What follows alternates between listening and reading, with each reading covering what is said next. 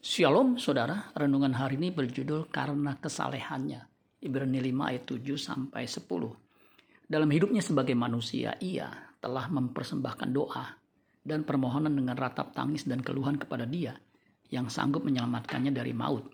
Dan karena kesalehannya, ia telah didengarkan. Dan sekalipun ia adalah anak, ia telah belajar menjadi taat dari apa yang telah dideritanya. Dan sesudah ia mencapai kesempurnaannya, ia menjadi pokok keselamatan yang abadi bagi semua orang yang taat kepadanya. Dan ia dipanggil menjadi imam besar oleh Allah menurut peraturan Melkisedek. Kristus adalah contoh atau teladan dalam kesalehan.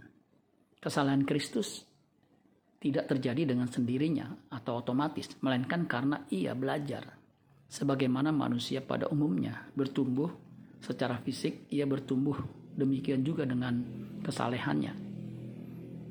Injil Lukas mencatat pertumbuhan Kristus. Lukas 4, Lukas 2 ayat 40. Ayat 51 dan 52.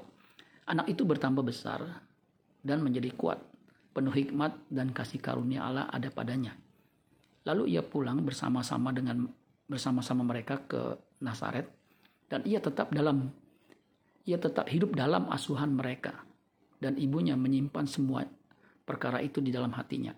Dan Yesus makin bertambah besar dan bertambah hikmatnya dan besarnya dan makin dikasih oleh Allah dan manusia. Karena kesalehannya, Kristus didengarkan oleh Allah Bapa. Matius 3 ayat 17. Lalu terdengarlah suara dari sorga yang mengatakan, inilah anakku yang kukasihi, kepadanya lah aku berkenan. Matius 17 ayat 5. Dan tiba-tiba, sedang ia berkata-kata, turunlah awan yang terang menaungi mereka dan dari dalam awan itu terdengar suara yang berkata, Inilah anak yang kukasihi, kepadanya lah aku berkenan, dengarkanlah dia. Yohanes 9 ayat 31 sampai 33. Kita tahu bahwa Allah tidak mendengarkan orang-orang berdosa, melainkan orang-orang yang saleh dan yang melakukan kehendaknya. Dari dahulu sampai sekarang tidak pernah terdengar bahwa ada orang yang memelekan mata orang yang yang lahir buta kalau orang itu tidak datang dari Allah, ia tidak dapat berbuat apa-apa.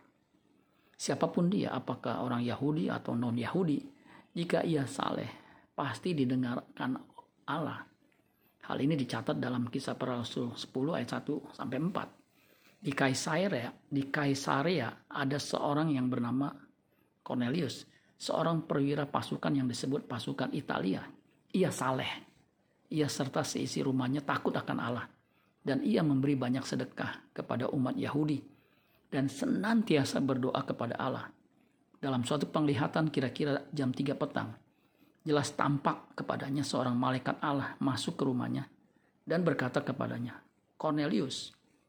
Ia menatap, menatap malaikat itu dan dengan takut ia berkata, ada apa Tuhan?